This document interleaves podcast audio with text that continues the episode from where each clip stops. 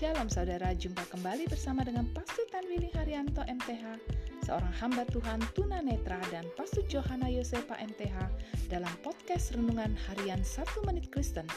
Di dalam podcast ini, kami membagikan kebenaran dari Alkitab yang dimulai dari kitab kejadian sampai kitab Wahyu.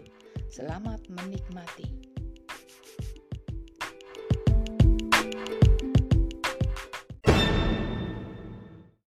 Shalom saudara yang berharga di mata Tuhan, senang dapat jumpa dengan saudara.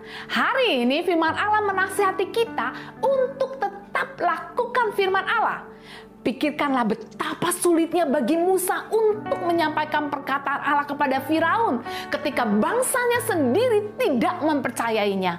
Akhirnya orang Ibrani percaya bahwa Allah telah mengirim Musa kepada mereka Proses perubahan orang Ibrani menerima Musa harus dibayar oleh Musa dalam kesendiriannya. Namun Musa tetap taat kepada Allah dan Musa melihat hasil dari ketaatannya itu.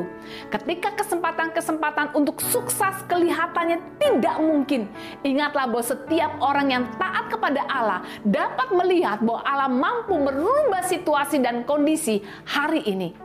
Hanya mereka yang tetap bertahan dalam iman dapat mempercayai dan taat kepada Allah, sekalipun situasi yang dihadapinya terasa tidak mungkin. Oleh karena itu, tetaplah percaya dan taat kepada Allah. Amin.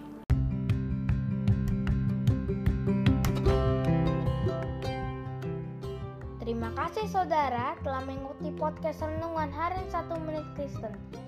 Doa kami Kiranya kebenaran yang saudara terima akan membuat saudara semakin berakar di dalam Tuhan dan bertumbuh dan berbuah lebat di dalam Tuhan.